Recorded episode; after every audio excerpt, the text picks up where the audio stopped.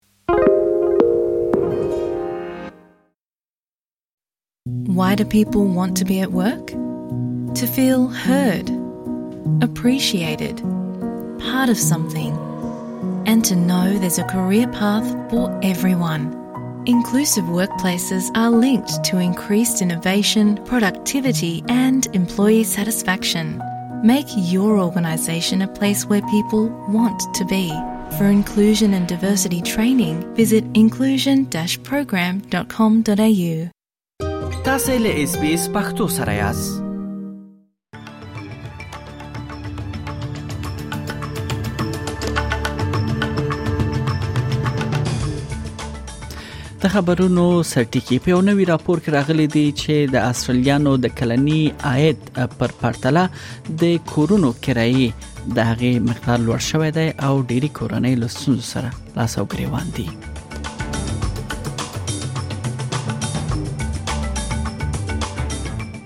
بلخوا طالبانو له چین څخه وغوښتي دي چې په واخان کې د افغانستان سره سوداګرۍ ته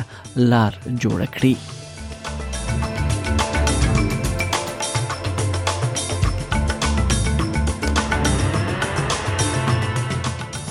د بریتانیا لومړي وزیر د خپل بهرنۍ تګلارې په لومړۍ وینا کې ویل چې له چین سره د بریتانیا د اړیکو تلای دوره اوس پای ته رسیدلې ده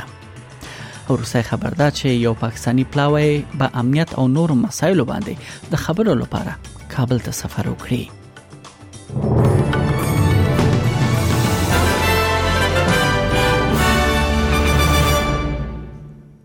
او دا هم بشپړ خبرونه د کرایې اخیستل په ټول استرالیا کې په هر پلازمینه ښار او همدارنګ سیمو کې ورځ سر بلې ستونزمن کیږي په یو نوي راپور کې راغلي دي د کلنی کرایې وړتیا شاخص دای موندل دي چې کرایه په ټول هیواد کې د کورنیو عایداتو پر پرتله ګړندۍ وده کوي او ډیری خلک د اوسېدو یا اوسنی کور ساتلو لپاره د ځای موندلو په لټه کې دي هوبارت د تر ټولو لږ ارزانه ښار په توګه پیژندل کیږي په سندي کې هم کورونو کرایې لوړېدو حال کې دي او برزبن کې لومړي ځل لپاره کرایې لوړ شوې دي د تاسمانیا پارلمان غړی انډریو ویلکی ویلي دي چې وضعیت ورځ تر بلې خرابېدو حالت کې دی People are, sweep, are sleeping in swags. Families are in the back of cars. Uh, families are in tents next to the highway and in the parks. Thousands of people are sleeping on people's couches. Uh, they're sleeping in people's garages, uh, in their spare room, under the house, in the garden shed. I mean, this is, this is unfathomable to me that this is happening in one of the richest countries in the world. بلخوا فدرالي حکومت وایي چې د ملګرو ملتونو هغه راپور نه مني چې استرالیا شمال کې سمندر لاندې نایاب بوټو یا ګریټ بیریر ریف ساتنه لپاره د استرالیا پلانونه ناکافي دي او د یاد ریف وضعیت ته باید خطر کچې ریف ورکولو یعنی لقب ورکولو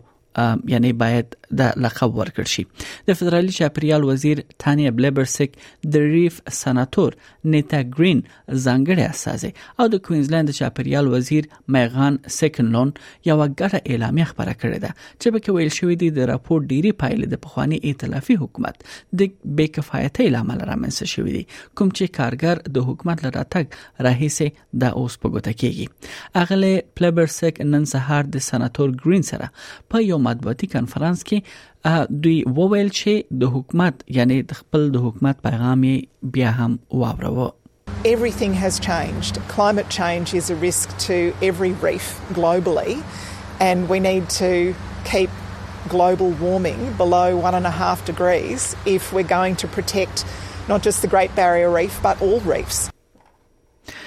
بل خو د پاکستان د بهرنیو چارو وزارت وایي چې د دغه هیواد د بهرنیو چارو د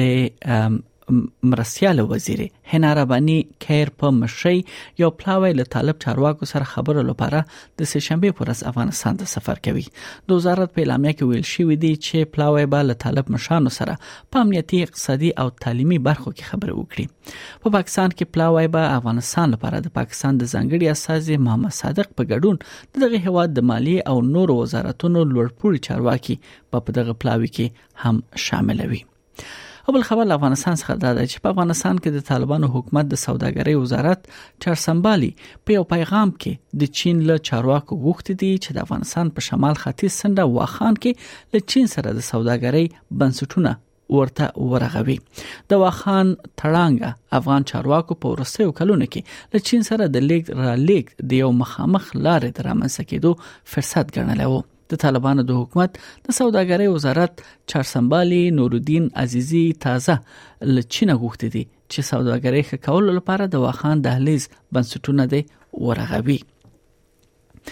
بل خبر له اوکراین څخه دی په اوکراین کې د انرژي چارواکي وایي چې داسې نښې شته دي چې روسیا یعنی د مسکو تر کنټرول لاندې د اټومي بټۍ څخه د وټولو لپاره دوی یعنی تیاری نیسي پترو کوتن چې د اوکراین د ملي اټومي انرژي د تولید د شرکت انرګوټم مشر دی وای دا سنخې لیدلې دي چې مسکو د ژاپورژیا څخه د وټولو لپاره چمتواله نیسي د روسیې مطبوعاتو د راپورونو په حواله چې کېدای شي دا پلانټ یا بټۍ پریخودل شي یا کنټرول د اټومي انرژي نړیواله ادارې ته وسپارل شي خو روسیې دا خبر رد کړی دی چې له هغه بټۍ څخه د وټلو پلان نشته دی د کرملین ویان دمیتري پسکوف وایي چې د وټلو د نخو پلټه کې کېدل دا بې معنا کار دی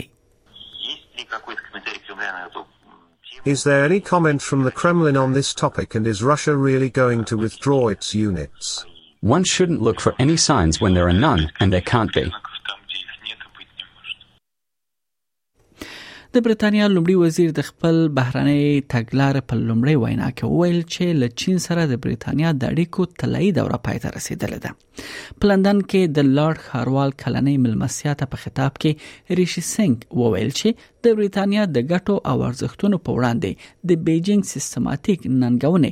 لا زیات شوې دي او له چین سره د بریتانیا تګلارې پرمختګ ته اړتیا لري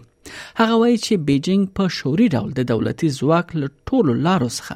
د نړیوال نفوذ لپاره سیالي کوي The so-called golden era is over along with the naive idea that trade would automatically lead to social and political reform. But nor should we rely on simplistic Cold War rhetoric.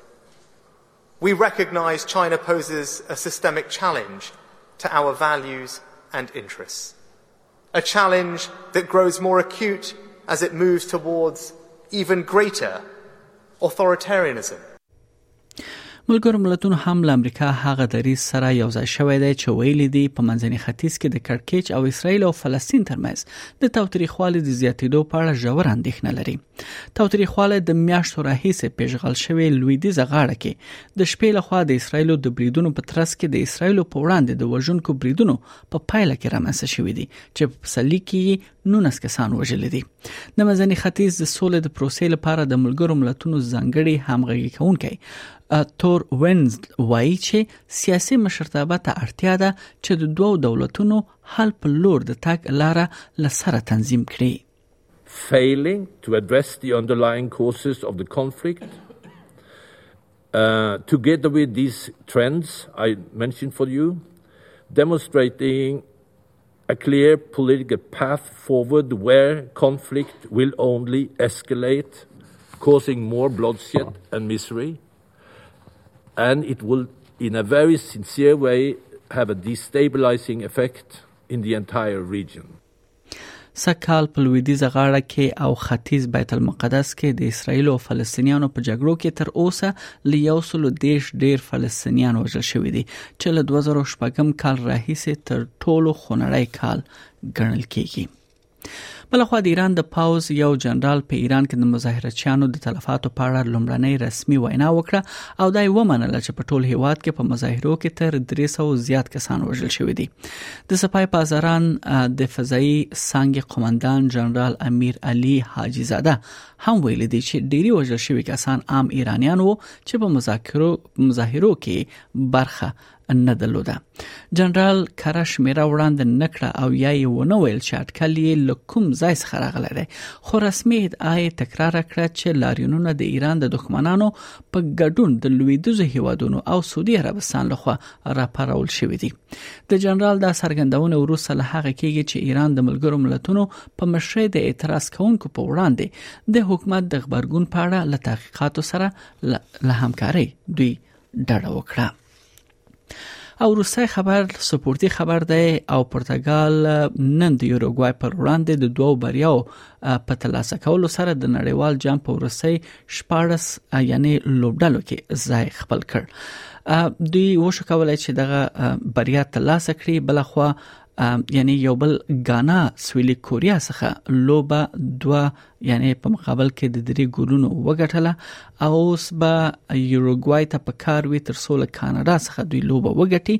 او شپارس لوبډلو په لس کې چې هغه دویم پړاو ته سي هغه په منځ کې لار پیدا کړی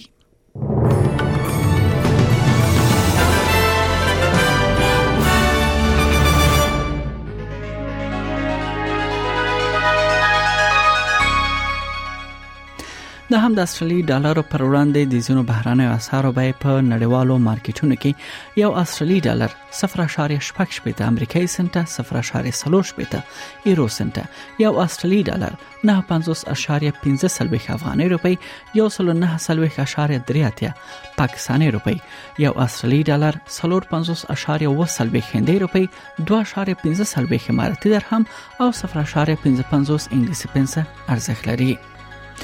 د هم د استرالیا د زونو خارونو نن لپاره د تودوخه تر ټولو لوړه درجه هغه هم د سانتیګریډ په کچه سېډني کې هوا لمریزه ده سلیریش په ملبن کې اسمان برګ نونس په برزبن کې هوا باراني ده یو دیش په پرت کې هوا لمریزه ده و دیرش په اډلیټ کې اسمان برګ ده یویش په هوبارت کې اسمان برګ نونس په کمبیرا کې هوا لمریزه ده درویش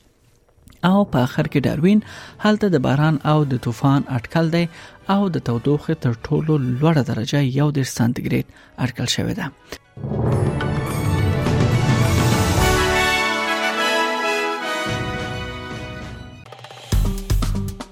اس پی اس پختو په فیسبوک کې تا کې پلی مطلب یو فاک کړئ نظر ور کړئ او له نورو سره شریک کړئ